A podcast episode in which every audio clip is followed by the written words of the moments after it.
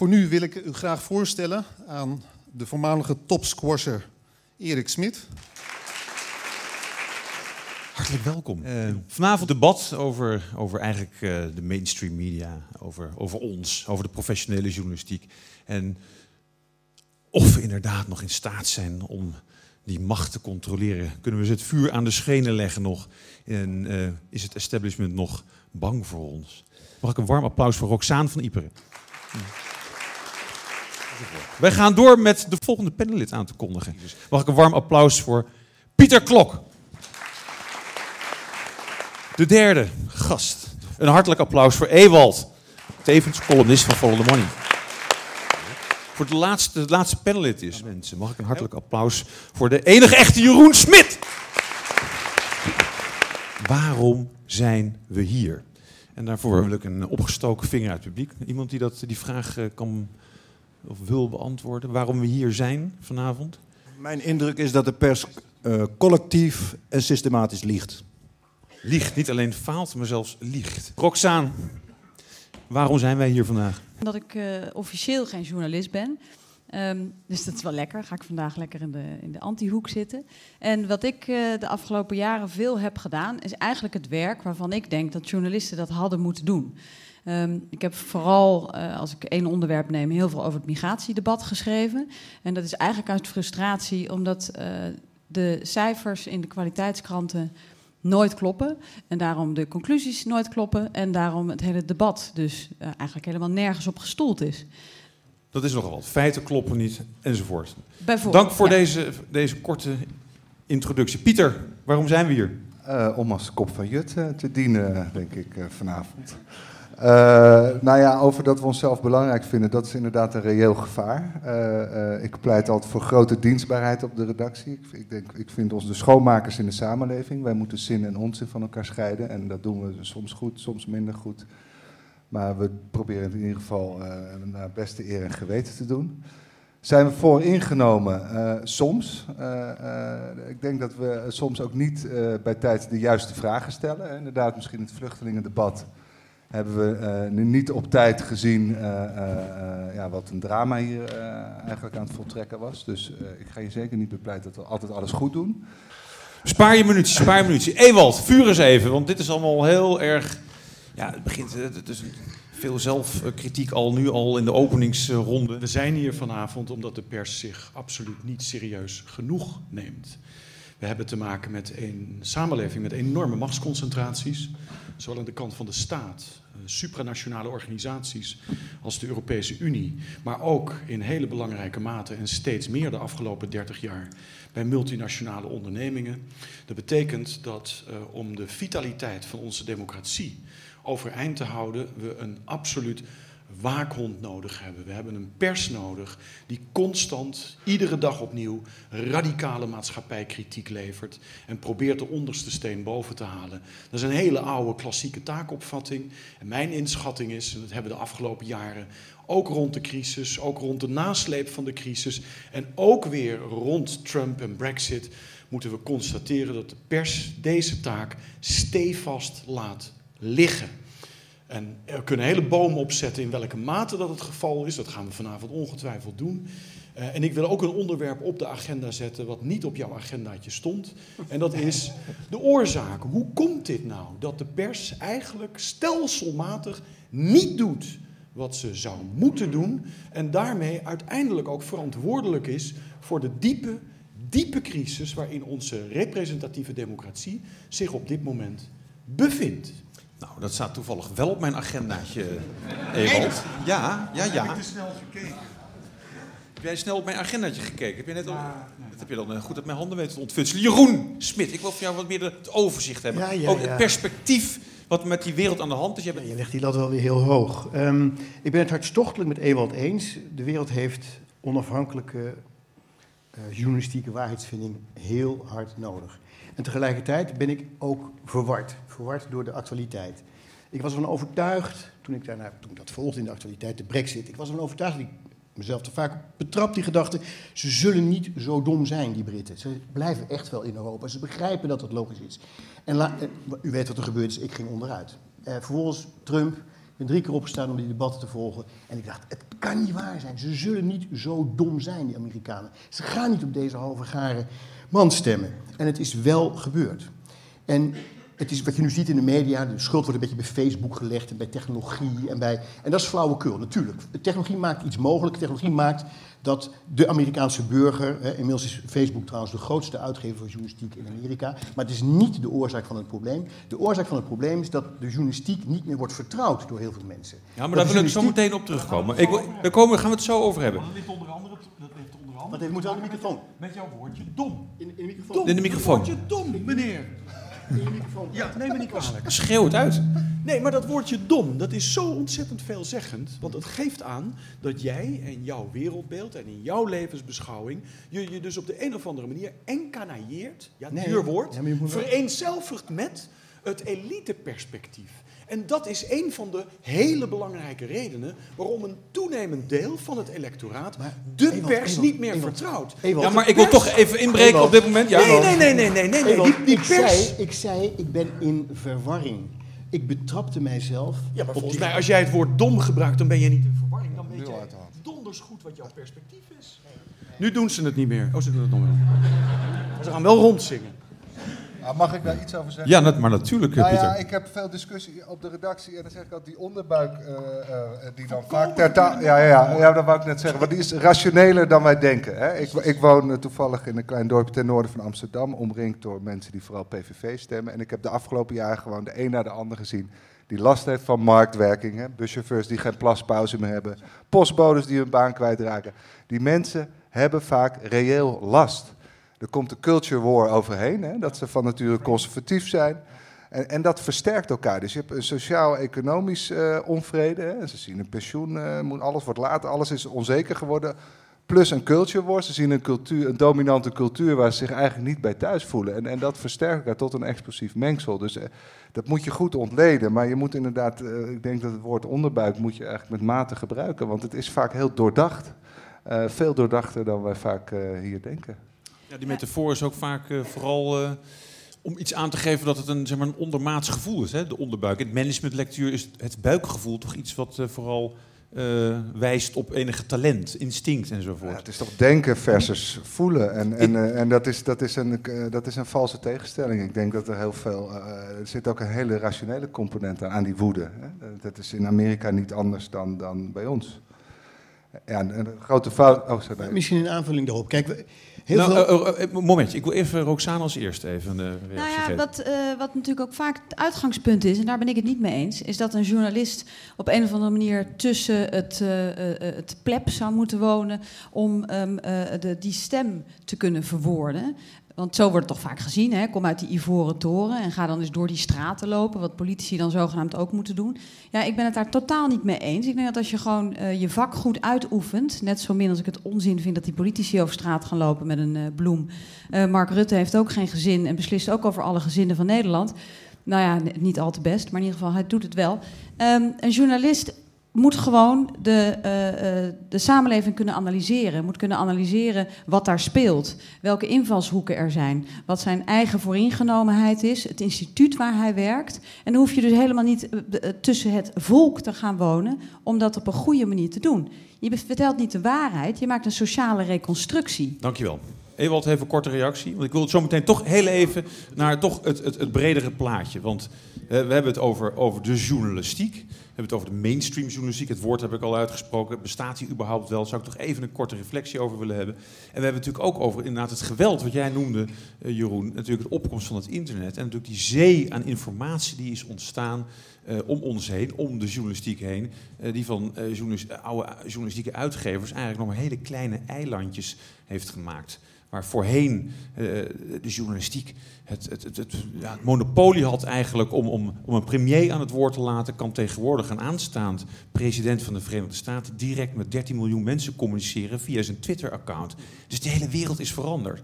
Dus afgezien van de rol die wij zelf innemen, is dit natuurlijk wel een werkelijkheid die we even als context moet mogen neerzetten, vind ik. Dus daar zou ik even iets over willen horen van, van, van, van de deelnemende panelleden. En eigenlijk, als jou, toch, Ja. Pieter, eigenlijk jou als eerste toch even. nemen. Nou ja, ja, we hadden natuurlijk vroeger een hele prettige positie. Dat we de, de, de werkelijkheid veel meer naar onze hand konden zetten misschien. Want er waren maar een beperkt aantal informatiekanalen. En wij hadden daar één van en geen kleine. En dus kon je ook, had je, kon je, kon je misschien de opvatting van de mensen... of dan de illusie hebben dat je die beter kon sturen. En nu moeten we, we moeten gewoon veel bescheidener zijn in onze rol. Wij, wij, wij domineren het debat niet. Zo reëel moeten we zijn. We proberen het wel... Eh, en, en soms zie je er ook nog wel eh, tekenen van. Maar ja, je, je hebt helemaal gelijk. Je moet, je moet gewoon toch ook reëel zijn. En onze macht is beperkt. Dus ik zou heel graag doen wat Ewald ons aanbeveelt. Hè, de oude krachtige positie eh, terugverwerven. En misschien komt het omdat we inderdaad ons werk soms niet goed genoeg doen. Maar het vertrekpunt is ook heel anders. We, kunnen, we, we krijgen dat niet meer voor elkaar. Als Maar- mensen maar- zich vooral door Facebook laten informeren... dan kunnen wij nog tien keer schrijven. Dat, Ik denk Maar dat moet je minder niet- moet je bescheiden niet- moeten zijn. Moeten we het niet eerst even iets breder trekken? Volgens mij gaat het om een diep wantrouwen bij heel veel mensen jegens de journalistiek. Maar dat betreft niet alleen de journalistiek, het betreft ook bankiers, het betreft economen, het betreft, politi- het betreft politici, eh, eh, artsen. We vertrouwen ze niet meer. Het, zijn allemaal mensen die claimen, net als journalisten, dat ze het weten, dat ze zich over ons ontfermen. Maar, ik las laatst een heel mooi stuk, het zijn allemaal phonies. Hillary Clinton die zegt haar hele leven in teken van te hebben gewerkt, maar wel 450.000 dollar in rekening brengt bij Goldman Sachs. Zij is dus een phony. Dus mensen snakken naar echt. En dat is volgens mij ook waar, we gaan het straks pas over hebben, echt, echte betrokkenheid. Dus, en ni- en niet dat, niet dat halve, niet dat... Mensen vertrouwen de journalistiek niet meer, want daar gaan we het hier over hebben. Maar de journalistiek heeft daar een serieus probleem. En ik denk, en even in aanvulling op wat Ewald zei... dat we daar nu aan moeten gaan werken. Want we kunnen niet zonder onafhankelijke waarheidsvinding. Die checks en balances, met name die waakhond van de democratiefunctie... die is essentieel. Als we allemaal in onze eigen Facebook-bubbel blijven zitten... en kunnen blijven zitten, dan hebben we straks een groot probleem. Ewald, je schudde net met je hoofd. Nou ja, eh, kijk, we hebben dit natuurlijk eerder meegemaakt. Hè? En laten we ook eh, beseffen dat er een geschiedenis is. 2002, eh Fortuin wordt omgelegd. het journaille, wat toch in hele belangrijke mate een Partij van de Arbeid lidmaatschapskaart op zak had, schrok zich helemaal de pleuris. We hebben dit volledig gemist. Vervolgens krijg je dat het journaille ehm, vanaf 2002, we zitten nu in 2016, 11 jaar lang afreist naar de vermeende wijken waar de boze witte man woont, om de boze witte man te kunnen interviewen, ten einde erachter te komen wat die boze witte man nou precies bezield heeft.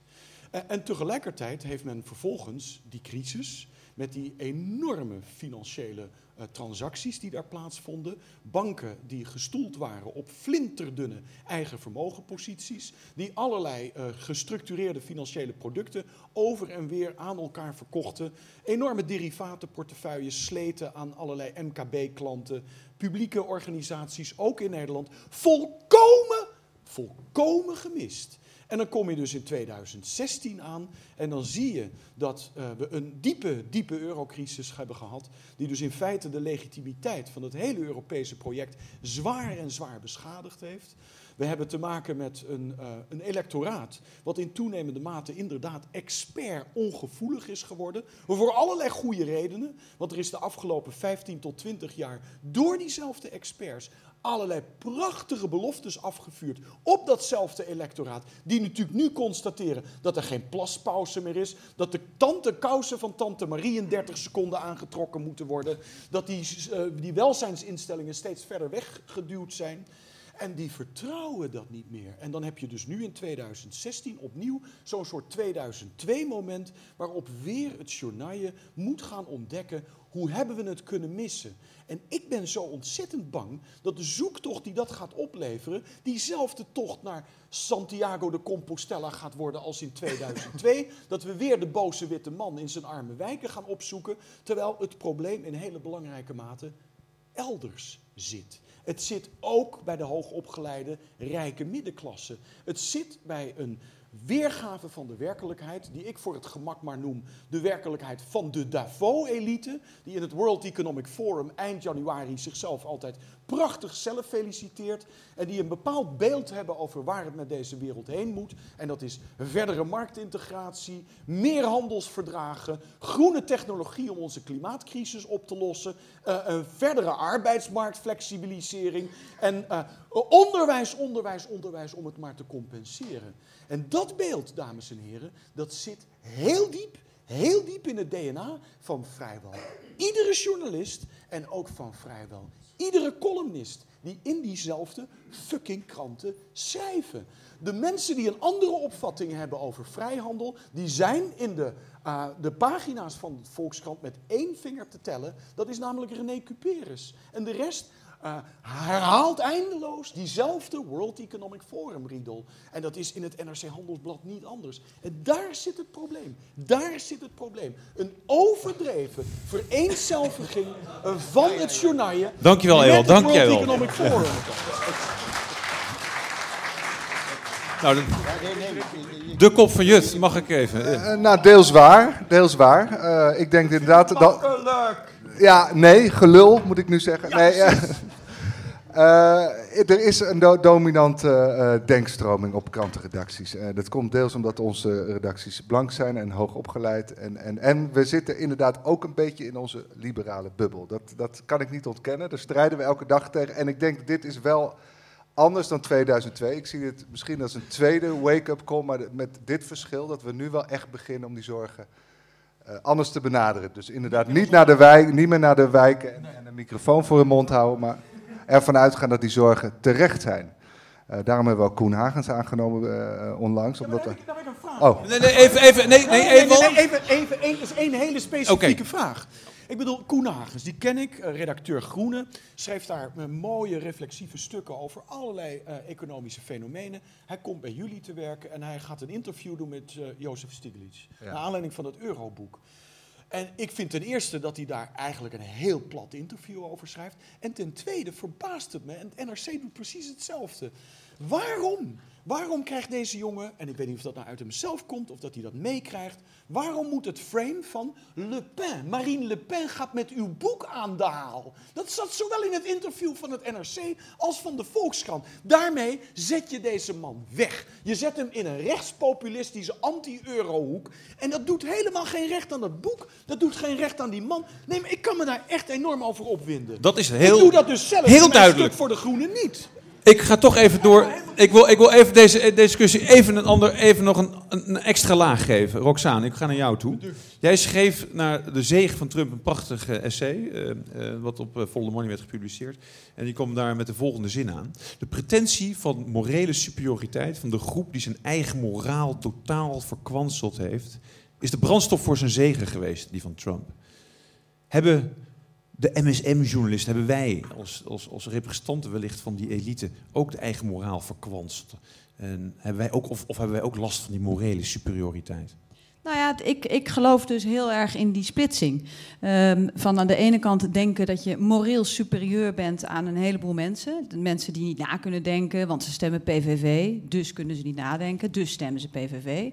Dus daar kun je makkelijk naar wijzen. En aan de ene kant, uh, dus aan de ene kant die morele superioriteit. Aan de andere kant um, zelf al heel lang geleden het moraal aan instituties opgehangen hebben. En dat, volgens mij, het feit dat, dat, dat die combinatie, die zie je heel erg bij Hillary. Dus hè, om dat concreter te maken. Um, Hillary Clinton die aan de ene kant zegt Trump, uh, pussy grabber, racist. Uh, maar ik kom op voor de vrouwen, ik kom op voor de armen van Amerika. En aan de andere kant haar eigen moraal, haar onderbuik. Want het was ook een pleidooi voor weer meer buik bij mensen. Um, zij staat ook voor Wall Street te praten. Zij zegt tegen de mensen op Wall Street: zei ze, Ik vind eigenlijk dat jullie je meer politiek uh, moeten bemoeien met, met, uh, met, met Amerika. Dus ik denk dat die combinatie mensen woedend heeft gemaakt. Want, um, heb ik al eens eerder tegen je gezegd, heel vaak zeggen mensen hoe je een kind noemt, zo wordt het uiteindelijk ook. Hè? Dat is natuurlijk echt een beetje een credo van links. Um, maar je kunt natuurlijk ook zeggen, als je iemand continu al racist noemt, omdat hij bijvoorbeeld zegt: Ik vind dat Wilders ergens een punt heeft, of, of misschien ga ik wel PVV zijn. Nou, je bent meteen dom en een racist. Uh, wat heeft hij dan nog te verliezen? Dan is het gesprek eindelijk daar ten einde gekomen. En als je dat dan ook nog eens een keer zegt als iemand die zelf uh, een heleboel mooie praatjes heeft, maar wel iedere ochtend Um, uh, waar ik dan middenin zit, wel iedere dag weer nieuwe uh, tax rulings aanvraagt en prachtige vehikels optuigt waar miljarden mee het land uitgesluist wordt, terwijl die PVV-stemmer misschien heel braaf zijn afdrachten betaalt. Ja, dat is voldoende om op een gegeven moment te zeggen: ik pak een sledgehammer en ik sla dat hele systeem kapot. En nu jij weer. Nou, de vraag is dus: Zijn wij, journalisten, daar onderdeel van, van dat systeem, in dat denken? Zijn wij daar deel van, uit geworden, van geworden, zoals eigenlijk Ewald ronduit beweert? Nou, ik denk dat iedereen Nou, ja, mag wel ik een even beetje nuance. zit. Je hebt mainstream denken en je hebt mainstream media. En, en, en, en eh, wij zijn heel afhankelijk van experts hè, voor mijn stukken. Ik, eh, ooit wilde ik een kritisch stuk over Nout Welling schrijven. Dat was nog de tijd dat Nout Welling als een grote held werd vereerd. Eh, dat was toch al een jaar nadat de kredietcrisis was uitgebroken. Maar ik had het idee, ja, die man heeft eigenlijk aan de basis van de kredietcrisis gestaan in verschillende functies. Ik wilde dat stuk schrijven. Maar wat doe je dan als journalist? We bedrijven geen opinie, dus je gaat experts bellen of ze dat beeld bevestigen. Niemand wil dat bevestigen. Arnoud Boot wilde nog wel iets kritisch doen, maar niemand wilde Nout Welling. Want het algemene denken was, Nout Welling is een fantastische bankpresident. Dus wij zijn, omdat we afhankelijk zijn van experts, hè, omdat we geen opinie bedrijven, komen we automatisch in het mainstream denken terecht. En, en, en nu, hè, in revolutionaire tijden, moet je daar eigenlijk steeds meer aan onttrekken. Want dat mainstream denken heeft de antwoorden niet meer. Dat is mijn analyse. Dus je moet veel meer zelf denken, alternatieve denkers eh, zoeken. En dat is de missie die we volgens mij nu hebben. En dat hebben we misschien eh, eh, niet op tijd beseft, maar, maar dat is in ieder geval wat ik al jaren doe. Ik wil nog even memoreren, het vorige debat wat ik met Ewald Engelen had, had ik inderdaad het boek Bonus geschreven. Toen was Ewald de verdediger van de bankaire bonussen. Dus toen moest hij zelf ook nog een paradigma shift eh, doormaken. Dat is prima. En dat, dat, ik vind het alleen maar goed. Ik wil het niet vals doen. Maar dit is wel de realiteit. Eh, Die had ik nog niet gehoord, eh, Ewald. eh, deze. Ik wil trouwens wel nog even zeggen dat het helemaal niet uit hoeft te maken eh, dat je wit bent en in een hoogopgeleid bolwerk zit en dat je dan op die manier gaat nadenken. Ehm, ik ben ook wit en zit in het bedrijfsleven tussen nou ja, alleen maar van die, van die toch wel redelijk, eh, nou ja, of het zijn van die kortzichtige VVD-stemmers of het zijn van die geitenwolle sokken-stemmers. Maar ehm, ik kan nog steeds zelf nadenken en ik ben vooral heel erg altijd open voor mijn enorme blinde hoek. En ik denk dat daar een heel groot deel ligt. Dus dat je je realiseert dat het helemaal niet uitmaakt. Iedereen zit in een bepaalde kring. Maar dat je een heleboel ehm, eh, vooroordelen hebt in je denken. En dat je daarover na blijft denken. Jeroen, maken, maken journalisten genoeg ruimte voor andere gedachten? Zijn wij te veel toch Nou, eh, nee. meedenkers in die, met die mainstream, het establishment? Nee, ik denk dat, kijk, als je de, in de afgelopen 30, 40 jaar is de gemiddelde journalist enorm hoog opgeleid, opgeleid geraakt, zou ik maar zeggen. In de jaren 70 is de eerste hogeschool journalistiek gestart. En vanaf nou, een jaar of 15 nu heb je allemaal universitaire opleidingen, masters journalistiek. Ik heb zelf lesgegeven aan eentje. Dus je ziet dat steeds meer journalisten automatisch tot dat hoogopgeleide stuk van de bevolking en daarmee ook automatisch worden geïdentificeerd met dat hoogopgeleide stuk. Ehm, de analyse in Amerika is dat, ik geloof dat 24% heeft een college degree, eh, eh, 76% dus niet. En die 76% vindt eigenlijk nu collectief die 24%, ik gebruik het woord al eerder, fonisch. En ik, ik heb net al die opsomming gemaakt. En dan inderdaad is het antwoord wat mij betreft ja, en dat is ernstig, ja, de journalistiek wordt vanuit dat perspectief, ook hier in Nederland, is voor heel veel mensen onderdeel van het establishment, onderdeel van de elite en daarmee niet relevant voor hen, voor hun oordeelsvorming niet, voor hun stemgedrag niet en dat schuiven ze terzijde. En, dat moet er toch even gezegd worden, maar het is niet de oorzaak, technologie maakt het ook mogelijk, want ze kunnen zich op allerlei andere manieren informeren. Nou, we hebben de voorbeelden de afgelopen weken voorbij zien komen en er komt allerlei fake news voorbij, wat ook nog een enorme impact heeft, maar dat is niet de oorzaak. En dus, vanavond heel belangrijk, eh, op zoek naar het antwoord op de vraag van, want die waakhond is belangrijk, terecht Ewald, hoe zorg je ervoor dat die journalist weer verbinding maakt met dat stuk van de bevolking wat zich van de journalistiek heeft afgekeerd? Ewald. Nou ja, ten eerste, dat, dat, dat is juist. Eh, ik bedoel, eh, daar ga ik ook gewoon niet omheen draaien. Dat ik van heb die bonus. ontzettend veel bijgeleerd gedurende de hele boog van de crisis. Het is natuurlijk toch een deken geweest van professionaliteit, van expertise, van superieur ris- riskmanagement, eh, die eh, gedurende die crisis weggetrokken is. Waardoor dit allemaal gewoon ontmaskerd is als één grote illusie. Eh, en het is, laten we wel wezen, het is een enorm elite debakel geweest dat we meegemaakt hebben. Dat is niet alleen die grote financiële crisis, dat is natuurlijk ook de eurocrisis en het mismanagement daarvan. Eén groot elite debakel. Dus wat dat betreft, inderdaad, geleerd. eh, en ik kijk nu heel anders tegen dit soort kwesties aan dan pakweg eh zes, zeven jaar geleden. Ehm, maar dat laat onverlet dat het inderdaad ontzettend belangrijk is om constant je eh, bewust te zijn van je eigen blinde vlekken. En een van die blinde vlekken, waar volgens mij het journaal niet alleen in Nederland, maar in heel Noordwest-Europa en ook in de Verenigde Staten last van heeft, is dat men eigenlijk behoort tot wat ik dan maar noem de professionele klasse. Ehm, we hebben een kapitalistische klasse, dat zijn de mensen die eigenaren zijn van de productiemiddelen. We hebben een arbeidende klasse die dat niet heeft en zijn arbeid moet aanbieden op een arbeidsmarkt. Maar we hebben ook in toenemende mate te maken met advocaten, met bankiers, met bestuurskundigen, met bedrijfskundigen, politicologen, sociologen, accountants, journalisten, academici, die eigenlijk allemaal onderdeel zijn van hun eigen gilde. En die gildes die zijn in toenemende mate uh, eigenstandige organisaties geworden, waar ook eigenstandige wereldbeelden bij horen. En die wereldbeelden die zijn al lang niet meer in lijn met de wereldbeelden die de gewone werkende hebben. We hebben betere arbeidsvoorwaarden, vaak als we eenmaal die een vaste baan hebben. We hebben een redelijk tot goed salaris, soms zelfs heel goed. Kijk naar accountants, fiscalisten. En we hebben een wereldbeeld waarin ja, een zekere mate van cosmopolitisme komt van nature. Want we stappen er nou eenmaal dat rare vliegtuig in om naar een congres te gaan in het Verenigd Koninkrijk. En we vinden dat allemaal dood en doodnormaal. We worden uitgenodigd voor een boekenvernissage bij Ambo Antos om daar een eh, klaterend glas koude Sauvignon Blanc te drinken. En we zijn ons niet bewust van het feit dat wat wij normaal vinden, dat dat eigenlijk niet normaal is. En ah, deze crisis, nee wacht even. Ja?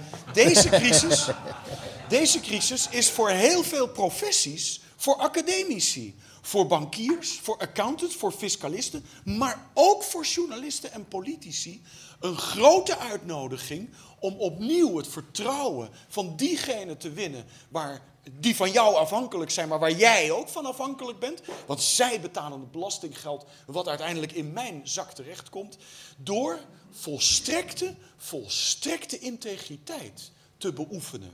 En dat betekent dus inderdaad, maak duidelijk wie je betaalt. Maak duidelijk met wie je spreekt en waarom je met die mensen spreekt. En wees je bewust van het feit dat je een cruciale publieke functie vervult. En dat geldt dus ook voor journalisten. En vervolgens word je door de Daily Mail... Mag ik even, even, even, een momentje? Even, even een momentje hè? Uw naam is? Daan Diedericks. En vervolgens word je door de Daily Mail totaal opzij geschoven. En die hè, veroorzaken onder andere, of onder andere de Daily Mail, de, uh, de brexit. Dat is gewoon een propagandakrant geworden. Dat is ook journalistiek. Nee, maar dat is flauwekul. Ik bedoel, er vindt propaganda plaats aan beide kanten. Want daar heb ik me dus enorm aan geërgerd. Dat zie je rond Trump en dat zie je rond Brexit. dat alleen degenen die voor een Brexit waren, die wordt verweten dat ze propaganda bedrijven. Maar wat, dames en heren, van die hele batterij aan experts die kwam opdraven rond die Brexit om het Britse electoraat te vertellen dat als zij Brexit zouden kiezen, dat land in een diepe, diepe, diepe recessie terecht zou komen. Het eerste volledige kwartaal na juni 23 was beter dan verwacht en was beter dan het Duitse kwartaal. Er wordt aan alle kanten volstrekte bullshit verteld. En laten we nou niet de zwarte piet alleen aan de kant van de populisten leggen, maar ook aan de kant van het establishment. Neem TTIP.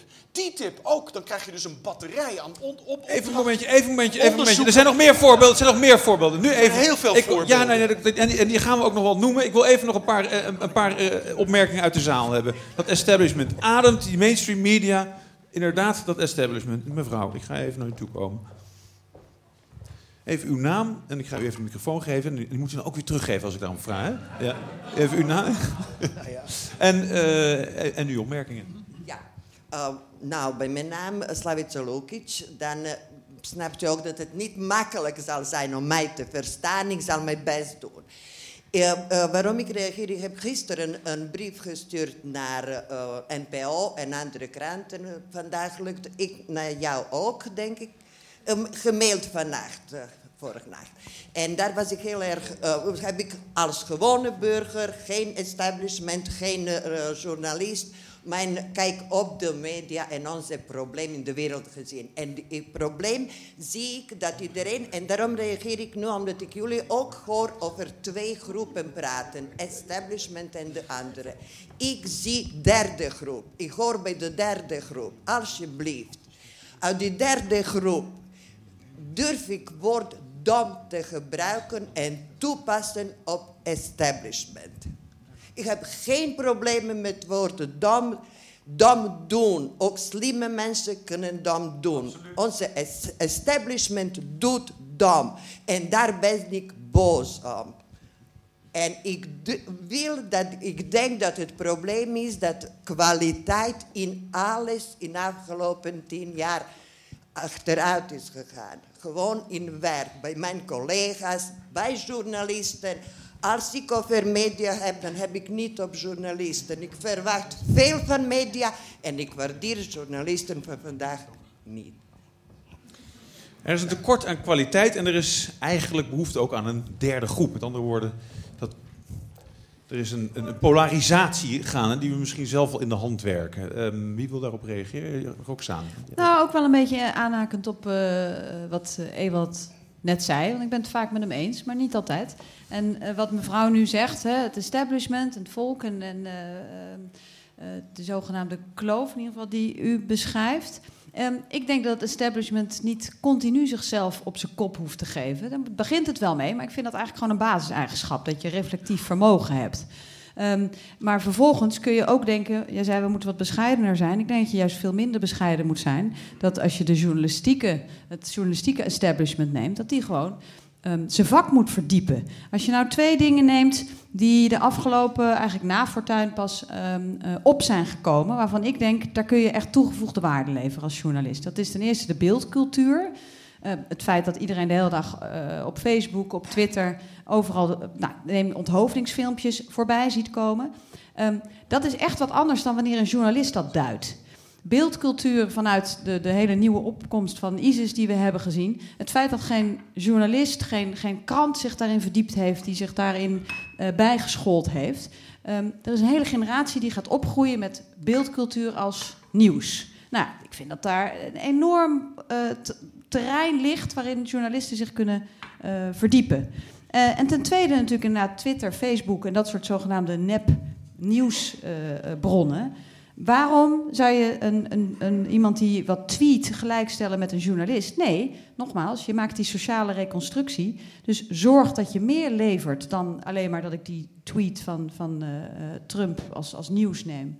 Journalisten moeten feiten achterhalen, checken wederhoorvragen, hun onderzoek doen. Er zit heel veel ja. werk in. En dat is het werk wat volgens Engelen nagelaten wordt door de meeste journalisten. En vooral het perspectief ontbreekt. De mentaliteit om ruimte te maken voor dat andere perspectief is afwezig. En dat heeft te maken dus met onze, ja, eigenlijk onze intellectuele DNA. Misschien ook wel voor de, door de intellectuele smetvrezendheid die wij hebben voor de onderwerpen die door misschien door populisten al zijn geannexeerd. Je, hoe, hoe zo... Mag ik nog één ding Ja, dat mag zeker. Uh, wat, ons, vaak zit ons morele oordeel zit ons dwars. Ik las laatst een uh, economische analyse. Daar doelde ik ook op. Met dat, van uh, Steve Bannon. Ik las een, econo een analyse, economische analyse van Steve Bannon. Uh, die ik eigenlijk grotendeels onderschreef. Maar Steve Bannon hoor je fout te vinden. Hè. Dat schijnt een uh, xenofoob en racist. Dat kan ik niet zo goed, ja, dat kan ik niet zo goed inschatten. Maar zijn economische analyse deugde heel erg. Hij zegt kapitalisme is ontspoord. Aan de ene kant staatskapitalisten, aan de andere kant crony capitalism, hè, Wall Street. Hij zegt uh, het kapitalisme heeft, om goed te functioneren, heeft waarde nodig, ethiek. Nou, dat zijn dingen waar ik het zeer mee eens ben. Maar die man, die wordt vooral weggezet vanwege zijn kwade kanten. En, en die heeft hij ongetwijfeld, al blijft het altijd een beetje vaag wat hij nou precies heeft, fout heeft gedaan. Uh, maar goed, het is een conservatief en een conservatief houdt er meestal wel uh, denkbeelden op na die wij abject vinden. Maar ik bedoel, je moet je oordeel gewoon opschorten. Ook bij Trump, hè, de Democratische Partij heeft in de analyse gezegd... wij, wij, lieten ons zo, wij staarden ons zo blind op zijn foute eigenschappen... dat wij niet zagen waar hij gewoon gelijk had.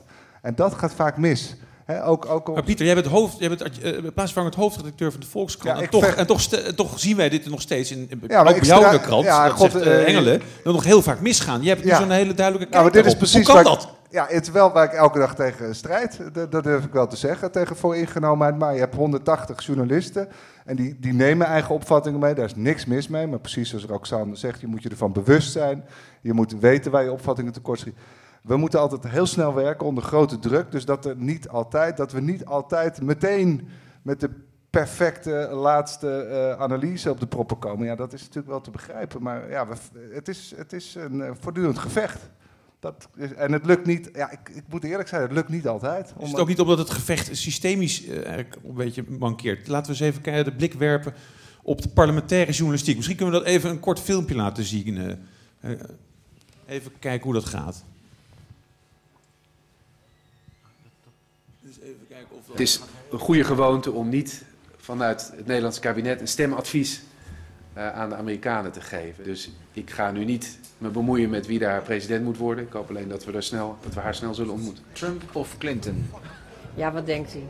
Vraag stellen is het antwoord geven. Ik hoop natuurlijk Clinton. Ja, nee hoor, is die Trump die, die uh, is wel heel extreem op een aantal schalen. Voor mij uh, zou het uh, Clinton zijn. Misschien voor de internationale samenwerking wel handig zou zijn als het mevrouw Clinton zou worden. Hier hebben we een mooie foto van hoe dat eruit zou kunnen zien. Ja, Sophie, het begint steeds weer met dezelfde vraag. Hoe staan de peilingen? Nou, uh, de peilingen, het, uh, het, het, gaat de goede kant op. Laat ik gewoon heel duidelijk zijn. Dat Wat is de goede voor, kant? Uh, nou, dat, de Clinton stijgt weer iets. Wat is uw eerste reactie eigenlijk toen u hoorde dat Trump de winnaar was? Nou, ik vond het heel erg heftig. ik zag het ook totaal niet aankomen. En Iedereen was eigenlijk verrast. Wij ook. We dachten dat wordt Hillary. De polls zeiden Hillary. De pers zei Hillary. De talkshows zeiden Hillary. En dat was het niet. Kortom, het was een feestdag voor Trump. Het was bepaald geen feestdag voor de journalistiek. En al helemaal geen feestdag voor de opiniepeilers. Nee. Waar, waar, de, kranten die kastijden zich nu ook zelf hè, op de sites. Zeker. We hebben er totaal naast gezeten. Mea culpa, mea culpa. Wat, wat is hier fout gegaan? Nou, daar wil ik op inhaken. Ligt die met name die parlementaire journalistiek, ligt hij niet veel te veel in bed? Eigenlijk, is dat niet eigenlijk het, grote voorbeeld? Ligt hij niet eigenlijk compleet in bed met, met, met de macht? Of bij elkaar op schoot? Lopen die niet eigenlijk al op het speelveld rond, wat ze eigenlijk van afstand zouden moeten beschouwen? Bij hier in Nederland of, of in, in Nederland, maar ook in de Verenigde Staten. Ik, ik wil het eigenlijk op Nederland betrekken, omdat dat het, uh, het land is dat wij goed kennen. Nou, ik- mag ik nog één ding Ja. over Amerika? Want ik, eh, Ja. wat ik een beetje flauw vind in de discussie... Kijk, de New York Times had een volstrekt verkeerde manier van peilen... Hè, met die kansrekening. Die sloeg gewoon nergens op. Statistisch blijkt het gewoon wrakhout te zijn. Maar gewoon de popular vote hebben ze niet eens zo heel slecht eh, voorspeld. Hè. Dat, doen wij, eh, dat, dat is gewoon een variatie die wij hier ook zien. Dus ik, ik vind dat ze met die peilingen helemaal fout zijn... behalve dat ze een volstrekt verkeerde peilmethode hebben gebruikt... vind ik, dat laat niet zien dat ze Trump niet begrepen hebben, volgens mij. Maar goed, ze hebben Trump inderdaad niet goed doorzien... Ze hebben, ze hebben gisteren een soort van vrede Maar gesloten ja, met kijk. New, New York Times heeft natuurlijk wel in de campagne om vooral ook te laten zien dat ze onafhankelijk zijn. Zijn zij degene geweest die het meest kritisch over die e-mails van Hillary eh, hebben geschreven. Dus je kunt echt niet zeggen dat ze hun taak als waakhond veronachtzaamd hebben. Dat, ik, ik, ik denk zelf niet dat dat de hart van het probleem is. Ik bedoel, ja, we moeten kritische interviews doen. Ja, we moeten kritische schrijven over beleidsvoornemens. Ja, we moeten veel autonomer denken. Maar ik vraag me af of dat eh, nou echt het hart is eh, van, eh, van het wantrouwen tegenover de media. Dat denk ik zelf eigenlijk niet. Wat, zou, wat denk je dan dat het wel is? Ik denk het hart van het wantrouwen is dat wij niet altijd de vragen stellen die mensen zich stellen. Namelijk, of, of dingen die, die zij totaal niet begrijpen en die wij logisch vinden. Wij vinden het heel logisch dat Zwarte Piet verdwijnt. En, en heel veel mensen vinden dat helemaal niet logisch. Die, die vinden dat moeilijk. Die, die, die moeten eerst door een rouwproces heen. Of ze vinden het misschien sowieso een slecht plan. Maar wij, wij, stellen niet altijd de vragen waar, waar, eh, eh, waar, waar zij mee kampen. En vooral de vragen waar wij mee zitten. En we doen heel veel aannames. Hè. Vrij, eh, Ewald zei het al, vrijhandel is goed, protectionisme is fout. flexibilisering van arbeidsmarkt vindt inderdaad een merendeel van onze columnisten een goed idee. Nou, als je dan, als, als je dan daar heel veel last van hebt, dan voel je niet begrepen door de media. En als er nooit eens iemand een, een vlammend betoog tegen de flexibilisering houdt, ja, dan voel je je toch niet gekend. En, en, ik Het lijkt, me ook, dat- het lijkt me ook heel moeilijk te organiseren. Het is precies wat je zelf beschrijft. Je hebt een redactie met 170 redacteuren, journalisten... die dat allemaal volstrekt normaal vinden en logisch vinden dat Zwarte Piet verdwijnt. Hè? Nou, hoe organiseer je dan? Dat is, natuurlijk een, dat is natuurlijk de spannende vraag. Hoe organiseer je dan ruimte in de krant voor dat andere geluid? Echte ruimte. Dus niet gespeeld, niet half grapje, grappend. Of, hoe, hoe, hoe zorg je ervoor dat er respect is voor dat, voor, dat, voor dat deel van Nederland, waarschijnlijk misschien, wel, misschien zelfs wel de meerderheid van de mensen in Nederland, eh, en voor hun pijn en verdriet. Hoe organiseer je dat? Hoe kan je dat organiseren? Ja, ik vond het in dit geval heel lastig, omdat ik zelf echt wel heel erg overtuigd was dat als mensen daar last van hebben, dat je dat gewoon eh, gemakkelijk. Ik was hier wel heel stellig in, maar, maar inderdaad, ik heb dit toch ook.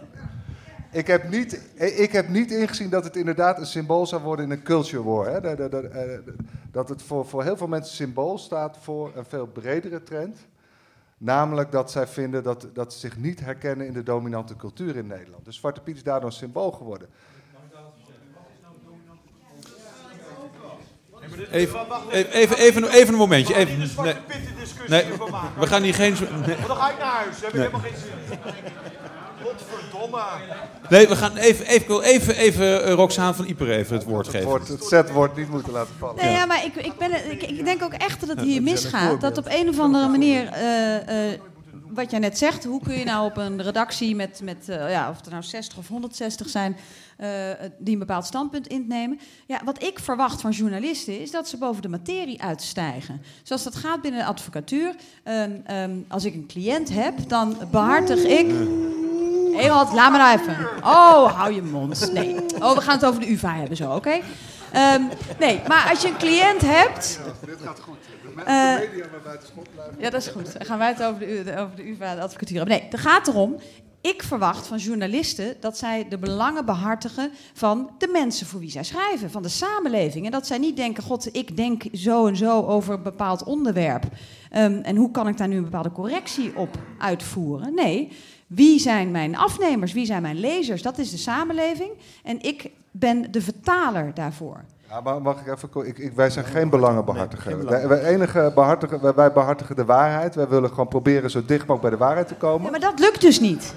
Dus wij moeten vooral de vragen stellen waar heel veel Nederlanders mee kampen. En Ja. daar, daar zit volgens mij het euvel. Eh, dat we niet altijd de goede vragen stellen of hebben gesteld. Maar vervolgens moeten we natuurlijk niet... We zijn er niet om, om, om belangen te behartigen. Dat wil ik wel- Hey, wat- Nee, maar de daar even samenleving te we, vertalen. we- we hebben nu een hele reeks van voorbeelden die lopen van Zwarte Piet tot aan belangenbehartiging en zelfs We tot, zouden aan, het Zwarte Piet tot, aan, tot aan de advocatuur. Maar we hadden het over parlementaire verslaggeving. En een van de dingen die eigenlijk wel een beetje volgen uit wat ik al eerder zei, namelijk dat eh, journalisten horen tot de professionele kasten.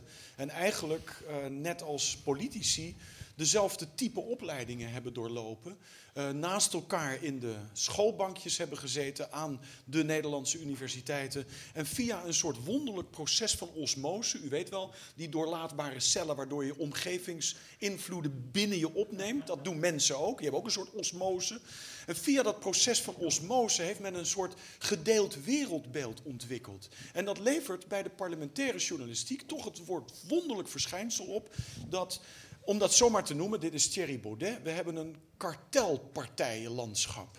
We hebben vanaf GroenLinks tot aan de VVD een stel, stel partijen die op alle belangrijke lijnen, verdere Europese integratie, globalisering is een goede zaak, eh, een, een zekere mate van flexibilisering is goed, er moet meer geïnvesteerd worden in onderwijs. Eigenlijk op al die punten delen ze diezelfde wereldbeeld. En bij journalisten zie je dus heel duidelijk dat alles wat uit de hoek van die partijen komt, dat wordt ook fijn opgeschreven. Daar worden heel snel makkelijk quotejes van gevonden. Bij de praatprogramma's zie je dus ook de politici van die partijen steeds aan tafel uitgenodigd worden. En, nou komt het, ik ben zelf sinds kort lid van de Partij voor de Dieren.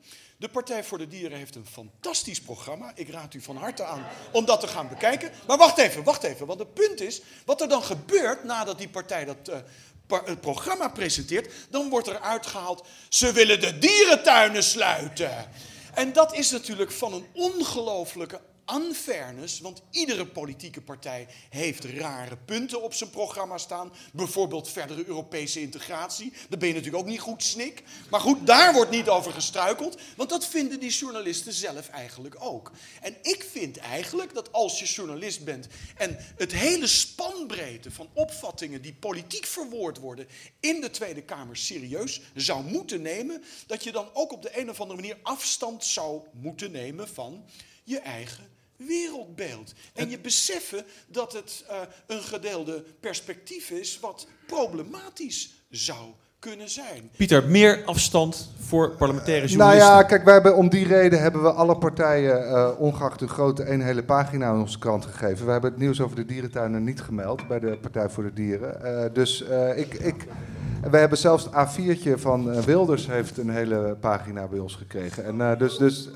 dus op die manier proberen we wel elk geluid serieus te nemen. En eh, daar moet je continu op letten, want ik ben deze, het geluid eh, van, de, van de Dierenpartij is in veel opzichten revolutionairder en dus interessanter om uitgebreid over te schrijven dan een kleine variatie eh, tussen D66 en de PvdA. Ik wil ook even het, het interview van eh, Max van Wezel een van, van enkele jaren geleden in herinnering brengen. Die als, als parlementair journalist ook zelf toegaf dat die afstand eigenlijk minimaal was. dat Dat, dat, het, dat, het, dat het verworden is tot de sportjournalistiek.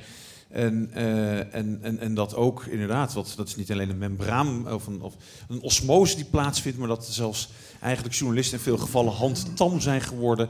eh, smekend na, na, na, of eigenlijk smachtend naar de complimenten van, van, van de, de personen die ze eigenlijk zouden moeten controleren. De premier die een knuffel geeft of een aai over je bol, over die goede analyse. Eigenlijk zijn die kleine zieltjes van journalisten daar heel erg gevoelig voor in die wereld. Zegt een oud parlementair journalist van enige standing. Dus het is toch wel logisch dat er wat meer afstand gecreëerd zou mogen worden. In plaats van wat meer troepen naar dat veld te sturen, zou je zeggen. Ik heb een citaat eh, van een oud parlementair journalist. Politici, daar praat je niet mee, daar schrijf je over. Citaat sluiten. Dat zei Joep van het Hek ook over sportjournalistiek. Maar dat doen de sportjournalisten ook niet. Jeroen, je bent een beetje stil, want ik zie je wel veelvuldig knikken. Maar ehm, eigenlijk, die, die, die parlementaire journalist, zit- heeft die, heeft die voldoende genieten. afstand? Ik zit te genieten Ja. van al dit geweld hier op de bank. Eh, ehm, nou, je noemde net even het boekje van Joris Luijendijk, alweer enige jaar of drie geleden. Die heeft dat heel erg beschreven, hè, die kaasstolp. En dat, dat het wel heel klef en heel dicht op elkaar zit. Ik ben bang dat het antwoord is dat die afstand eh, te klein is inderdaad. En als je zelf eens rond hebt gelopen, dan weet je dat ook. Het is, gewoon heel, het is ook fysiek heel beperkt. Ze komen elkaar drie keer per dag tegen. Ehm, en als mensen elkaar drie keer per dag tegenkomen, dan is het heel moeilijk om een zekere kritische distantie eh, te bewaren. Wat ik een interessante exercitie vind, en die vind ik ook een beetje eng als ik heel eerlijk ben.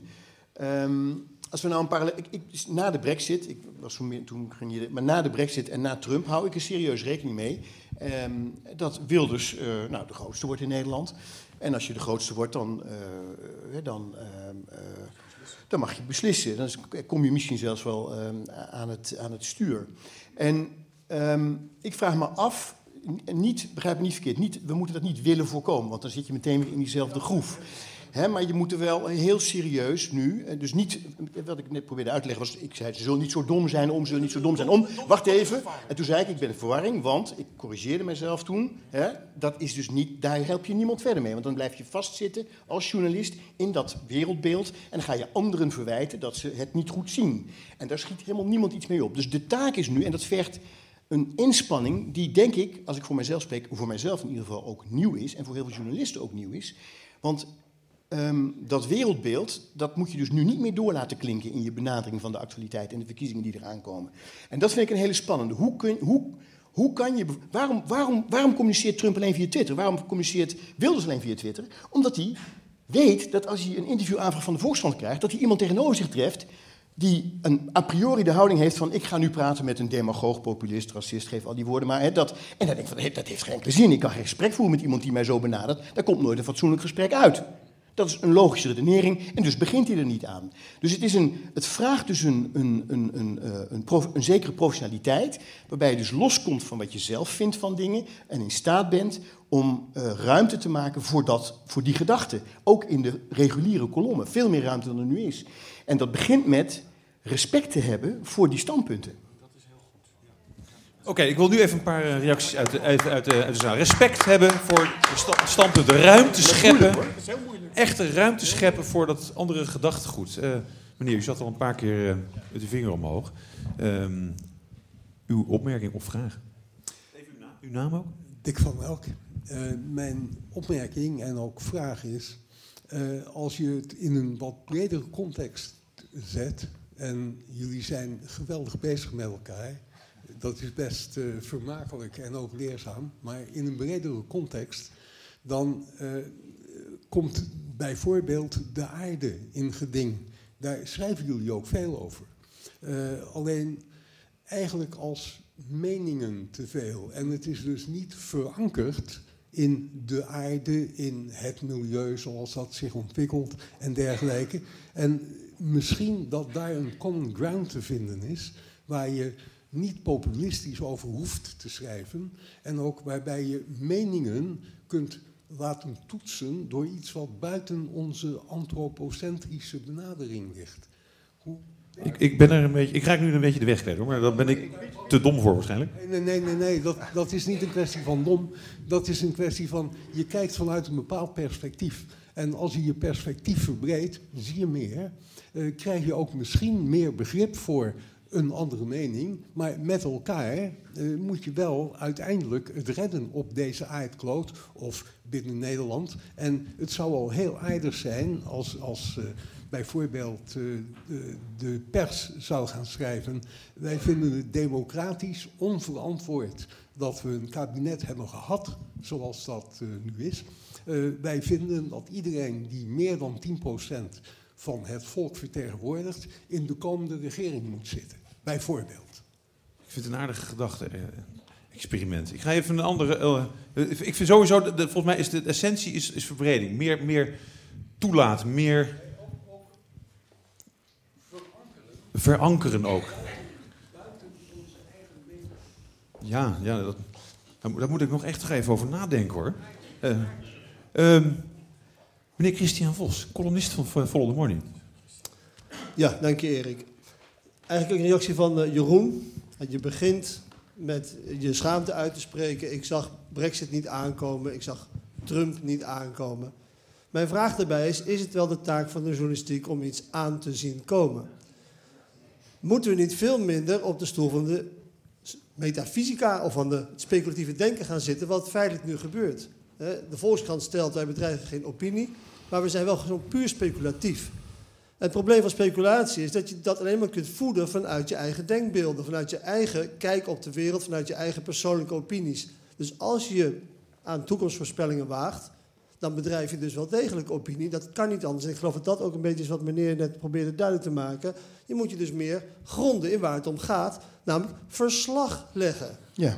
Hè? Nou, wij- wij hebben- wij hebben nooit de brexit opschrijven- voorspeld, opschrijven wat- wij- wij hebben nooit, eh, Nou, voorspeld- jullie hadden ook, jullie hadden ook een popular vote eh, dingetje. eh, Ja, maar dat er eh, peilingen gehouden worden, daar kun je je over twisten. je- je zit een heel verhaal te vertellen over die kranten. Ja, die waren zo dom om het verkeerde voorspellingsmodelletje te gebruiken. Je Bij moet de zeggen, New York Times dat, dat moeten kranten überhaupt niet doen. Nee, wij Ze hebben die moeten niet de toekomst... Jullie zijn toch geen waarzeggers? Ja, maar dan moet je ook geen peilingen We meer zijn geen waarzeggers, we zijn verslaggevers. Even een momentje, ik wil toch even inbreken hierop. Want kijk, er waren natuurlijk toch wel een paar mensen die ook eh, in 2004 al heel eh, goed onderbouwd konden vertellen dat er eh, dat derivaten de weapons of mass destruction waren. Een meneer Warren Buffett, toch al redelijk erkend in de, in de vermogensbeheerwereld, die jou ook goed bekend is, Christian Vos, die voorspelde dat al jaren van tevoren. En daar werd niet naar geluisterd. En er waren al heel veel meer feiten die daartoe wezen. best de En voorspelling we, zijn, aan. we kennen de Erik, film. ik durf best de voorspelling aan dat we, dat we een nieuwe zeepbel aan het opblazen zijn die op een gegeven moment gaat knappen. Bedoel, het dat is- is helemaal geen nieuws, dat, dat ziet iedereen, maar, maar er, er gebeurt niks tegen. Hè? We kunnen het heel hard roepen en schrijven en beweren, maar, het daarmee het- hou je het niet tegen. Het woord voorspellen is verwarrend. Want wat er volgens mij bedoeld wordt, is niet zozeer we zagen Brexit en Trump niet aankomen.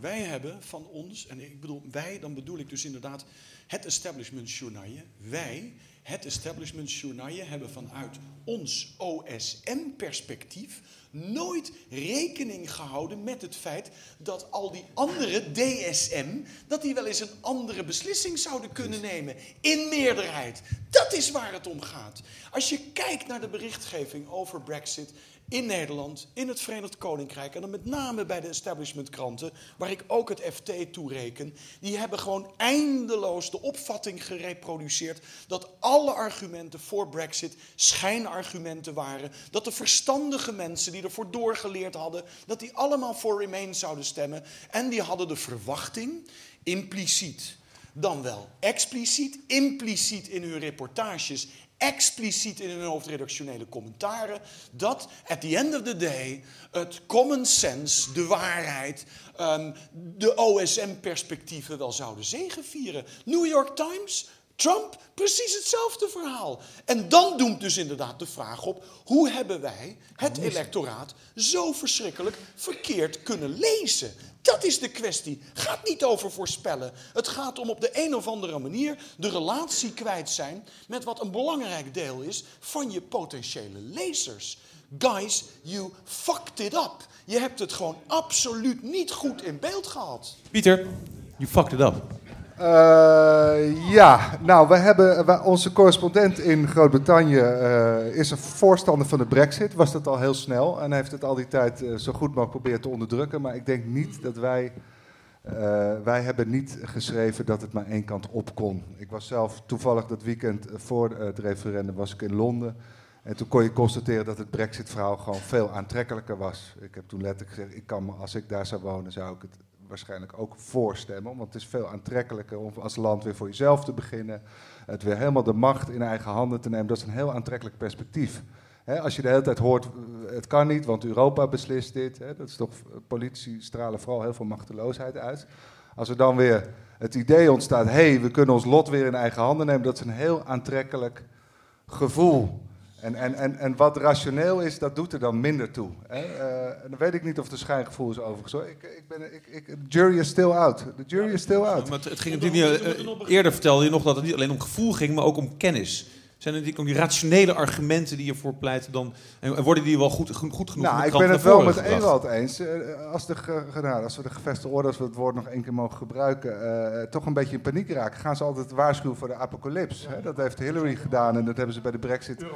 Daar ra- eerst, eerst denkt Cameron, dit ga ik makkelijk, eh, ga ik makkelijk redden. Hè? Want, eh, eh, de- dus, dus, eh, en, en da- daarmee, eh, en als het dan volgens geen apocalyps blijkt, ben je nog ongeloofwaardiger dan eh, voor het referendum. Maar Dus er is wel gevaar. dus iets groters aan de hand dan alleen maar de feiten. Ehm, dus in zoverre kan, kan ik daar nou ja, wel in meegaan dat niet alle journalisten of de mainstream media dat aan hebben zien komen. Als je bijvoorbeeld eh, Brexit, Oekraïne en Trump neemt. ehm, Brexit rationeel gezien, de meeste mensen zeiden de, de keuze voor Brexit was de hoge werkloosheid eh, en de migratieproblemen. Nou ja, kijk, als je dat even onderzoekt, eh, de werkloosheid in Engeland is nog nooit zo laag geweest sinds de jaren 70. En qua migratie ehm, aan eh, statuszoekers komt er niks binnen, behalve wat er al die tijd in, in Calais zit. En ze hebben alleen maar EU-migratie. maar die werkloosheid is ook nog nooit zo laag geweest. Dus als we even bij de feiten blijven, nee, dan kon je Brexit niet aanzien komen, want die kloppen gewoon niet. Dus dat was een anti-systeem stem. Eh, Oekraïne, uit alle peilingen, eh oh, peilingen, niet meer. Eh, nee, maar heel veel mensen gaven toe die, eh, die daartegen hebben gestemd, dat zij helemaal niet de ins en outs van dat hele verdrag kenden. Dus daar is ook iets groters aan de hand. En bij Trump, als je naar de feiten kijkt, een heleboel mensen zijn helemaal niet om de feiten voor Trump gaan stemmen, maar ook weer om iets veel groters. Omdat ze inderdaad gewoon het systeem klaar zijn met iets veel groters en dat is het systeem.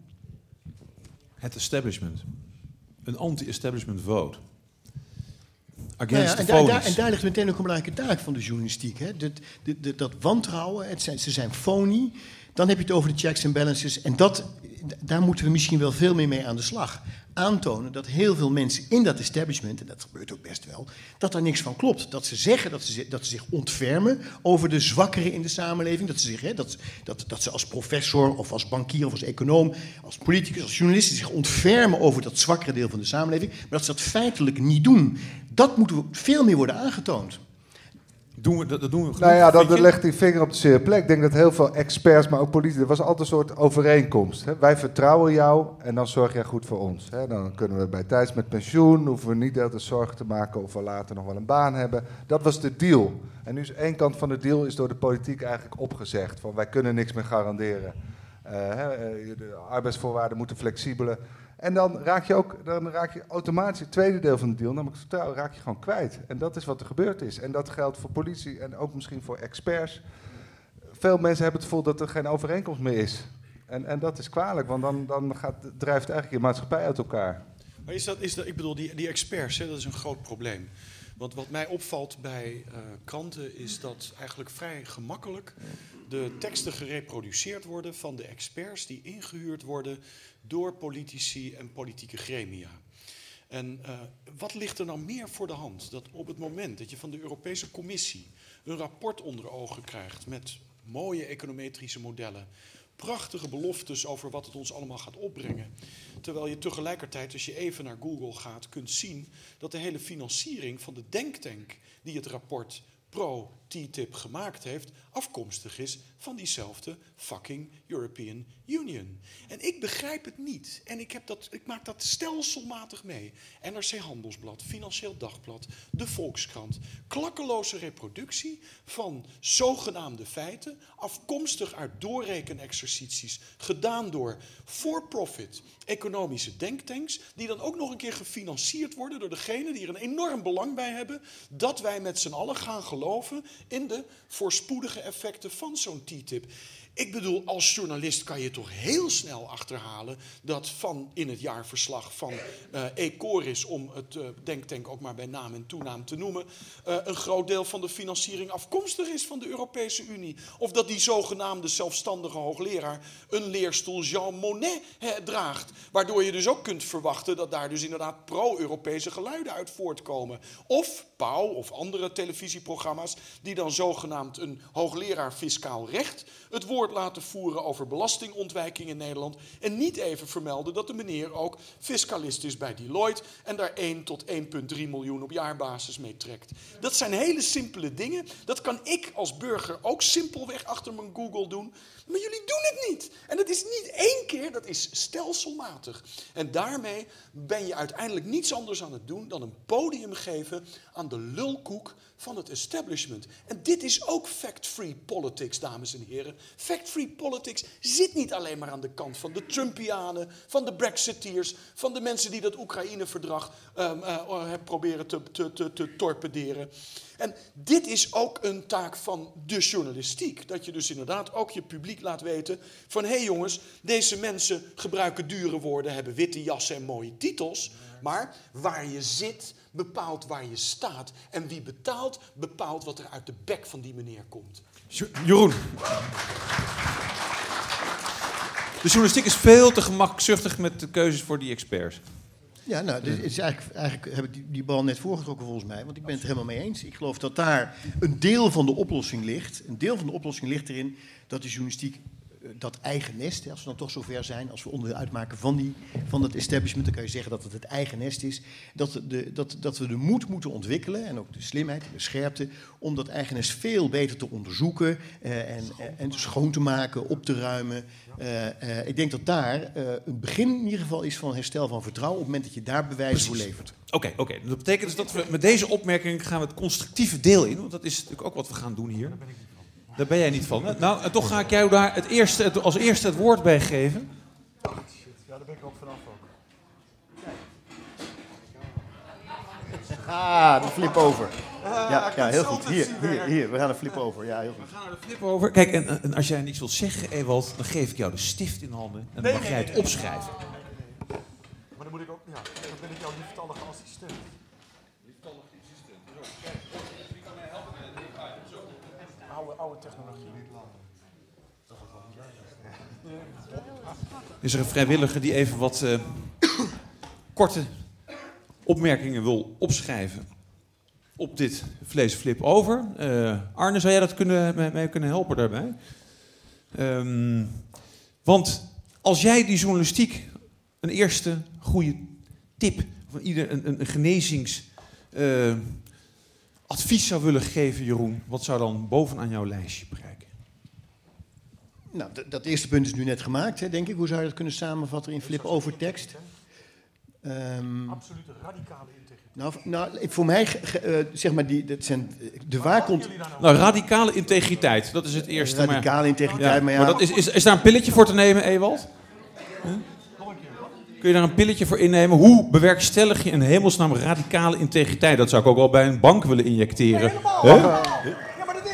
Ja? Mag ik heel even... Ik vind, dit advocaten. ik vind dit niks met de... Ik vind gewoon slechte journalistiek, die voorbeeld die Ewald noemt. En als wij er blijkbaar ook uh, aan hebben bezondigd, dat moeten we gewoon niet doen. Dus veel betere journalistiek. Maar het ik vind het controleren van de macht. Dus echt het controleren van de macht. En je daar niet in wenten, daar niet tegen aanschuren, daar niet door laten kopen. Of wat, hè, wat voor, hè, er is een hoop voorbij gekomen al het afgelopen uur.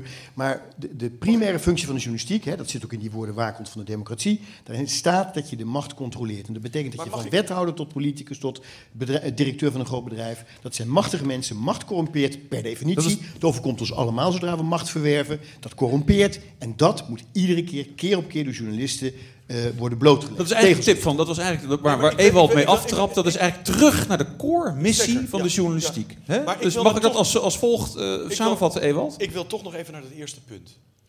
We hebben te maken met een landschap waarin in toenemende mate journalisten als ZZP'er het hoofd boven water moeten houden. Wat vindt u ervan? Casus, wat vindt u ervan? Dat een gerenommeerde televisiejournalist die uh, politici kritisch uh, aan de tand moet voelen, die um, CEO's van multinationals kritisch aan de tand moet voelen, bijbeunt als dagvoorzitter en bijvoorbeeld ook uh, een, een avond voor Deloitte mede vormgeeft. Wat vindt u daarvan? Vindt ja. u niet eigenlijk dat u als kijker het recht heeft te weten dat deze meneer of mevrouw uh, een hele waslijst aan andere opdrachtgevers heeft die deze mevrouw uh, of meneer wellicht inzage geeft in uh, een volledige andere kant van datgene wat ze daar zogenaamd kritisch op televisie aan het ondervragen is? Radicale integriteit, in mijn opinie, is dat je dit eigenlijk niet meer doet.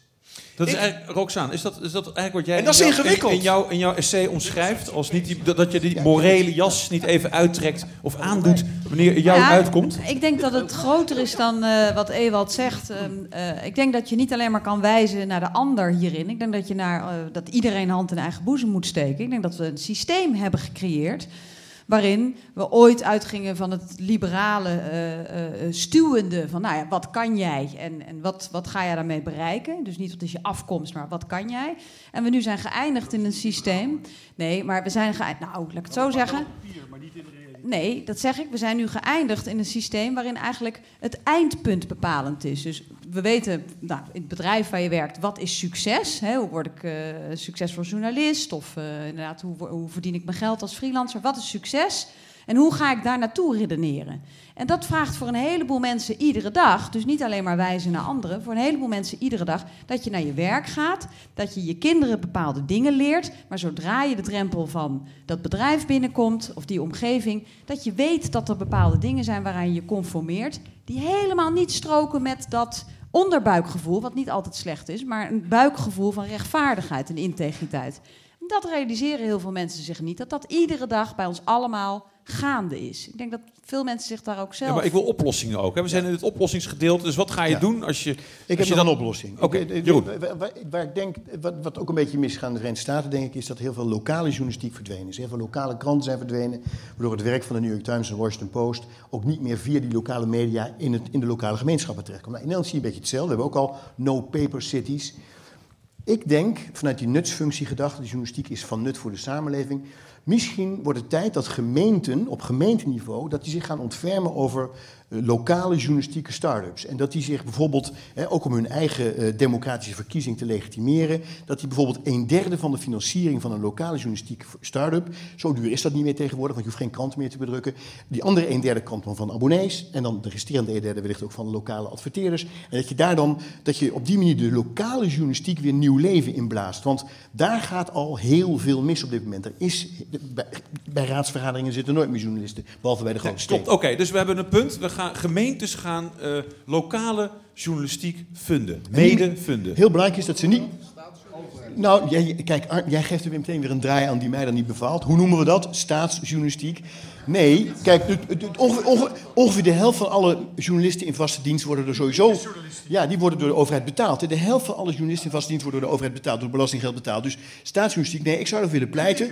Publieke journalistiek, waarbij, waarbij, de, waarbij de financiering nooit meer dan een derde van de, van, de, van, de, van de overheid mag komen. En die andere een derde komt uit de markt, abonnees en adverteerders. Maar dat ze wel de faciliteiten creëren en het mogelijk maken. Dank u wel, het is duidelijk, het is duidelijk. Even een korte peiling hier uit het publiek. Wie, even vingers omhoog wie dit een aardig plan vindt. Wie dit... Ik zie 1, 2, 3. Lokaal, hè? Lokaal. Even een paar vingers. eh, eh, Wie, wie, wie, heeft, wie heeft iets met dit idee? Ik zie 1, 2, 3, 4, 5, 6 vingers. Aan deze kant. 6 vingers, 7 vingers. Als Ewald ook een voorstander is, wie steekt dan nog meer zijn vinger op? Hè? Nee, precies. Dan draaien. Dan draait het. Ja. Lokaal. Publiek, publiek, ja, lokaal en ook deels gefinancierd door de overheid. Maar het controleren van de macht... eh, Jawel, absoluut. Dat moet er ook bij. Ik vind dat een heel belangrijk punt. Daar wilde ik het even namelijk over hebben. Eh, want is dat niet eigenlijk de basis? Terug naar die missie. Het is eigenlijk waar Ewald eigenlijk deze avond mee aftrapte. Is eigenlijk eh, die, die, die kernopdracht, eh, de basisopdracht voor die journalist, is, is, het, is het controleren van de macht. En zijn we, die, zijn we die missie niet een beetje uit het oog verloren? Moeten we niet heel, heel duidelijk tegen onszelf zeggen: we, zijn, we doen dat, we controleren die macht en dat ook in het publieke belang? Eh, die Maar combinatie. controleren van de macht eh, moet volgens mij wel op een iets andere manier dan de traditionele Watergate manier waar we allemaal mee opgegroeid zijn. Volgens mij moet je de macht controleren door inderdaad de aannames van de, die de, die de, de, de, eh, partijen nogal snel doen en als vanzelfsprekend ervaren. Hè, Brexit is fout, eh, eh, vrijhandel is goed. Die aannames moet je veel kritischer durven te bevragen van is dat nou wel zo goed?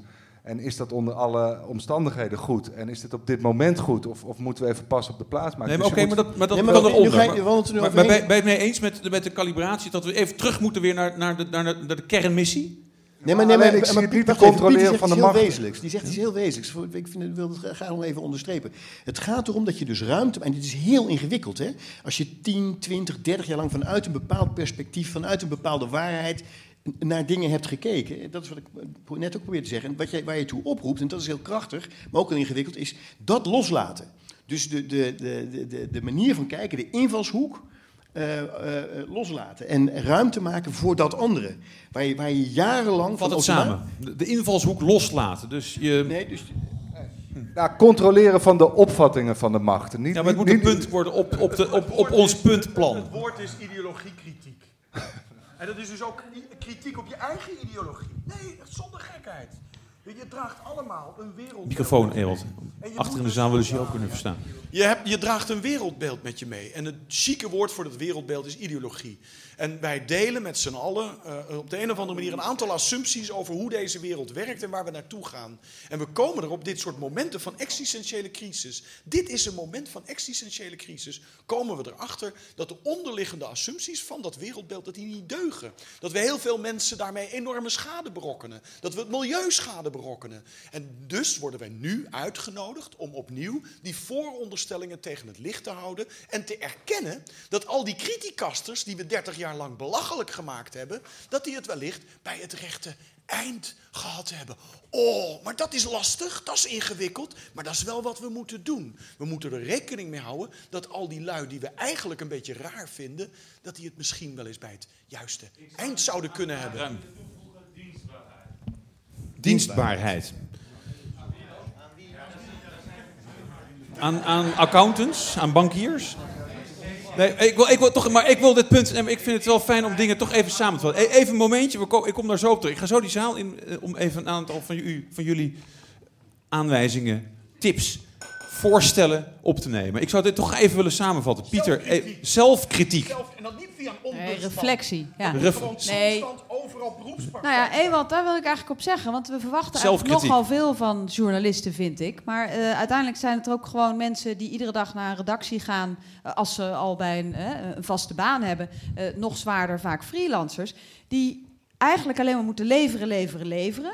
En wij zeggen nu, hè, ze moeten boven de materie uitstijgen. Ze moeten, vind ik, hogere professionele standaarden hebben. Dus die mag wat mij betreft ook bij. Ehm, want wat je ziet als je zelfkritiek, eh, reflectie wil hebben, boven de materie wil uitstijgen, dat is niet zo simpel. Daar moet je eigenlijk voor getraind worden. Dat, dat doe ik. Je ziet nu dat in de. eh, Training. nee, Training. zo is dat. Nee, maar daarom is het lastig om op te Dienstbaarheid brengen. aan. Nou ja, ik ben dat niet voor niks gaan doen, omdat ik ook vind dat dat mis. Je zag deze week in het NRC zag je een heel stuk staan over de, eh, de vele fouten die in de justitiële keten gemaakt worden. Dus hè, dat, dat bijna niemand meer. ehm, het ging over foutveroordeling. Hoeveel mensen er onschuldig vastzitten. En eh, deze week zag je Peter Koppen en Ton Derks, dat zijn de argumentatieleer en retorica.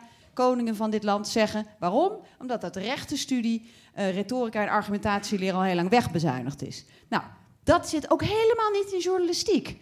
En dan kun je een perfecte parallel trekken. Als jij niet weet waar je blinde hoek zit, als jij niet kan analyseren, als jij niet een samenleving in kaart kan brengen. Dit klinkt allemaal heel simpel, maar dat is helemaal niet simpel. Dus daar moeten mensen voor opgeleid worden.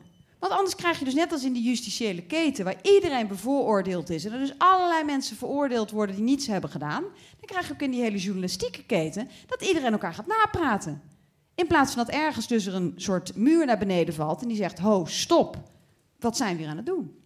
is permanente opleiding eigenlijk. Hè? Permanente opleiding, maar vooral argumentatieleer. Dat is een heel belangrijk onderdeel daarvan. Ethiek en argumentatieleer. E- Ethiek. Ethiek, dat is een woord wat eh, mensen hier in de zaal wakker maakt. Ik ga even de zaal in. Eh, ik wil eh, iets, iets van die, die opleiding. Die opleiding moet erin. Ja, ja oké. Die laat ik brengen. Eens even kijken. Hebben we, wat hebben we hier eigenlijk de, de tijd even in de gaten? Ja, ik, ja, ja, ja. Vijf over half. We gaan, het, we gaan richting het einde. Eh, ik wil even uw naam weten en dan vervolgens wat wij moeten doen. Uh, mijn naam is Steenekes en ik denk uh, wat er nog ontbreekt is moed. Moed. Dat vind ik een hele ja, goede. helemaal eens. Dat, dat mag, is een applaus waard. Ja. ja. Dat is een hele praktische tip ook. Ja. Uh, oh, jou ken ik nou. Nou, vooruit. meneer Jan-Hein Strop, journalist van beroep. Nee, wat ik heel erg vind, is dat journalisten zeg maar, heel veel fouten maken. maar niet op dezelfde manier ruimhartig hun fouten corrigeren als ze die in de krant zetten. En, er, en, en niemand, echt waar, het is ongekend, maar het geen, geen krant doet, ik zie het ook in de Volkskrant niet. Zet nou, als je op de voorpagina die blunder maakt, zet dan een dag daarna we, op die voorpagina ook, we zaten ernaast. Niemand die het doet. En raad hem je pagina 16. Point taken. Hoe, hoe zou je dat willen samenvatten? Dus um, er, fouten erkennen. Moed hoort ook bij moed fouten erkennen. Um, even hier, ja. Ja, ik kom zo terug bij jou. Uh, uw naam? Sander Spijker. Ja, goeiedag. Ik, uh, u, u, heeft het, nou, ik kan bij lijf zitten. U heeft het vandaag over uh, integriteit en de eerlijkheid, de eerlijke journalistiek als vieren waakhond van de samenleving. En ik wil het eigenlijk in plaats van heel groot, heel klein maken en heel concreet. Want ehm, het is namelijk zo dat ik onderwerp ben geweest van uw journalistiek. Dat is, dat is juist. Van Follow the Money. En ik uh, aan mijn lijf heb meegemaakt wat uw integriteit voor mij inhield. En ik heb eigenlijk een vraag aan u als debatleider. Ja. Hè, hoe u dat zelf, die integriteit, zelf invulling geeft. Het is namelijk zo, uh, op basis van anonieme bronnen heeft u in artikelen gemeld dat ik uh, binnen de zorg een stoplichtensysteem heb geïntroduceerd in de GGZ op basis waarvan uh, kan worden aangegeven of, er, of het nog wel financieel aantrekkelijk is om door te behandelen en moet worden gestopt met behandelen. En aan de andere kant de behandelinhoud daar dus dan niet meer toe doet. Dat, is, dat vind ik zelf moreel verwerpelijk. Ik heb dat soort systemen nooit gebruikt, nooit ontwikkeld, nooit geïntroduceerd. En ik zou eigenlijk verwachten van een goede onderzoeksjournalist dat hij eerst met bewijs komt voordat hij dat opschrijft. Dat bewijs heb ik nooit gezien, de insinuaties daarin wel. Daarnaast maakt u gebruik van anonieme bronnen en van bronnen die uh, niet anoniem zijn. En van die niet-anonieme bronnen kan ik alleen maar zeggen, die hebben nooit met mij gewerkt. Die hebben af en toe bij een koffiezetapparaat gehoord dat er iets gebeurde. En één bron daarvan heeft uh, in zijn algemeenheid iets over de sector gezegd. Heeft mij per mail gezegd dat hij dat nooit aan mij heeft gekoppeld, nooit aan het bedrijf heeft gekoppeld. Maar dat doet u wel in uw uh, artikelen. En als laatste zou ik willen zeggen, een kop. U weet als journalist niet, niet beter dat een kop heel belangrijk is. En in uw kop zegt u dat ik tonnen verdien aan het zorgstelsel en het zorgsysteem. En ik zou nu willen vragen, op welke rekening zijn die tonnen dan gestort? Ik heb ze nooit gezien. En ja, wat, wat mij dus opvalt, en, is dat u mij een, een, een schets maakt van mij op basis van vage bronnen, algemeenheden. Nou, dit gaat over ethiek. En ik wil het gewoon klein maken. We, we praten nu over de breedte. En mijn vraag, die ik aan u wil stellen als laatste, is: is dat volgens u de richting die u, u bent de vaandeldrager, is dat de richting die u op wil met journalistiek? Nou, ik er natuurlijk uitgebreid antwoord op geven. Is, overigens, ik zou uh, meneer Spijker willen prijzen voor de moed dat hij hier aanwezig is en dat hij dit, uh, dat hij dit vertelt. Dat om te beginnen. Het, het, het, was natuurlijk heel fijn geweest als we al veel eerder met elkaar in contact hadden kunnen komen, waar wij vele malen op aan hebben gedrongen, maar waar u geen enkele reactie, geen, reactie op hebt gegeven. Um, het, het, gaat een beetje aan dit gesprek uh, voorbij om, om, heel gedetailleerd om één onderzoek uit te gaan, uh, waar, waar, wij afgelopen jaar meerdere malen artikelen over hebben geschreven. Um, uh, onze integriteit is, is, simpelweg, wij gaan voor waarheidsvinding. En waar wij vinden dat wat wij hebben opgeschreven, opgeschreven dat dat klopt. Dat, wij, wij, hebben, wij, wij, hebben dat, wij hebben dat gedaan, wij hebben dat keurig zelfs. maar goed, maar dit is, dit is, het is, het is, het is, het is, maar ik, ik vind, ik vind, meneer Spijker, meneer Spijker, ik wil, ik wil u alle gelegenheid geven om nog veel meer uw wederhoor te kunnen uh, te geven dat, en, en, daar ruimte voor te geven. Ik had het ook graag gehad dat u dat veel eerder had gedaan. Uh, maar dit is nu niet het moment voor. Uh, om, om dit gaat, ontgaat de meeste mensen die hier in de zaal zitten. En, um, Eh, en, en we willen van u eigenlijk horen, een tip horen. Daar, we zijn in de constructieve fase aangeland. Anders, als u, u heeft kritiek op mij, wat zou u mij nu adviseren? Pardon? Ik zou u één ding adviseren. Oh, oké, sorry.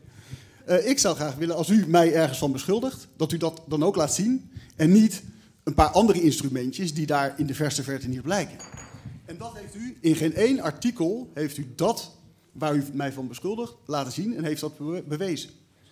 Daar verschillen we over. Oké, we gaan even door. Deze meneer daar met het baardje.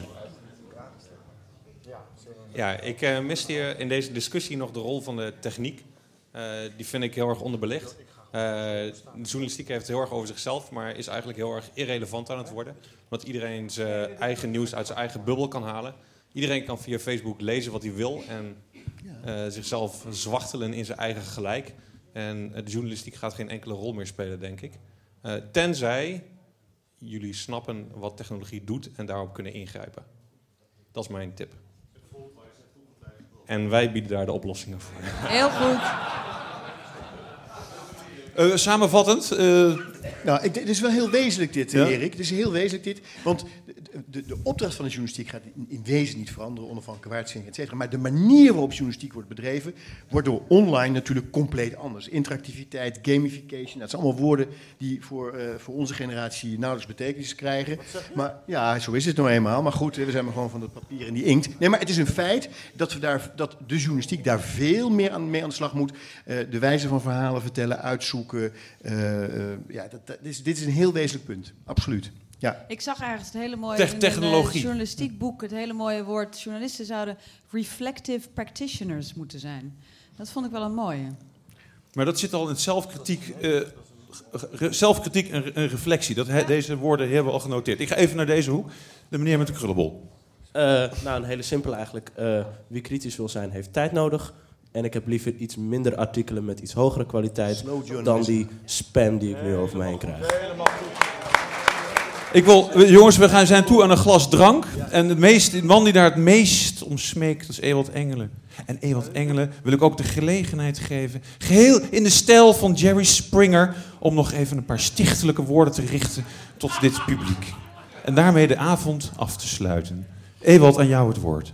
Um, als je zegt dat het vijf voor twaalf is, als je zegt dat het vijf over twaalf is, dan um, associeer je jezelf daarmee bijna automatisch met het establishment. En dat type, ja natuurlijk, vijf over twaalf betekent dat de crisis al geweest is en dat we het gemist hebben en dat er dus allerlei domme mensen zijn die kennelijk dingen vinden waar jij het niet mee eens bent, die het pleit al beslecht hebben. En waar we het volgens mij deze hele avond over gehad hebben, is dat we ons constant bewust zijn van het feit dat iedere uitlating die we doen komt van een bepaalde plek, van een bepaald standpunt. En dat je dus constant moet ondervragen of dit standpunt wel relevant is, of het wel representatief is en of het moreel of empirisch wel het juiste standpunt is. Dat moeten we constant blijven vragen. Dus het is niet vijf over twaalf, het is vijf over twaalf voor de verliezers. Het is vijf over twaalf voor de aanhangers van Clinton. Maar het is um, de avond gaat beginnen voor de aanhangers van Trump. Ik wil daarmee uh, het, van harte het, eh, panel bedanken. Om te beginnen, Roxane van Ypres, een groot applaus voor haar.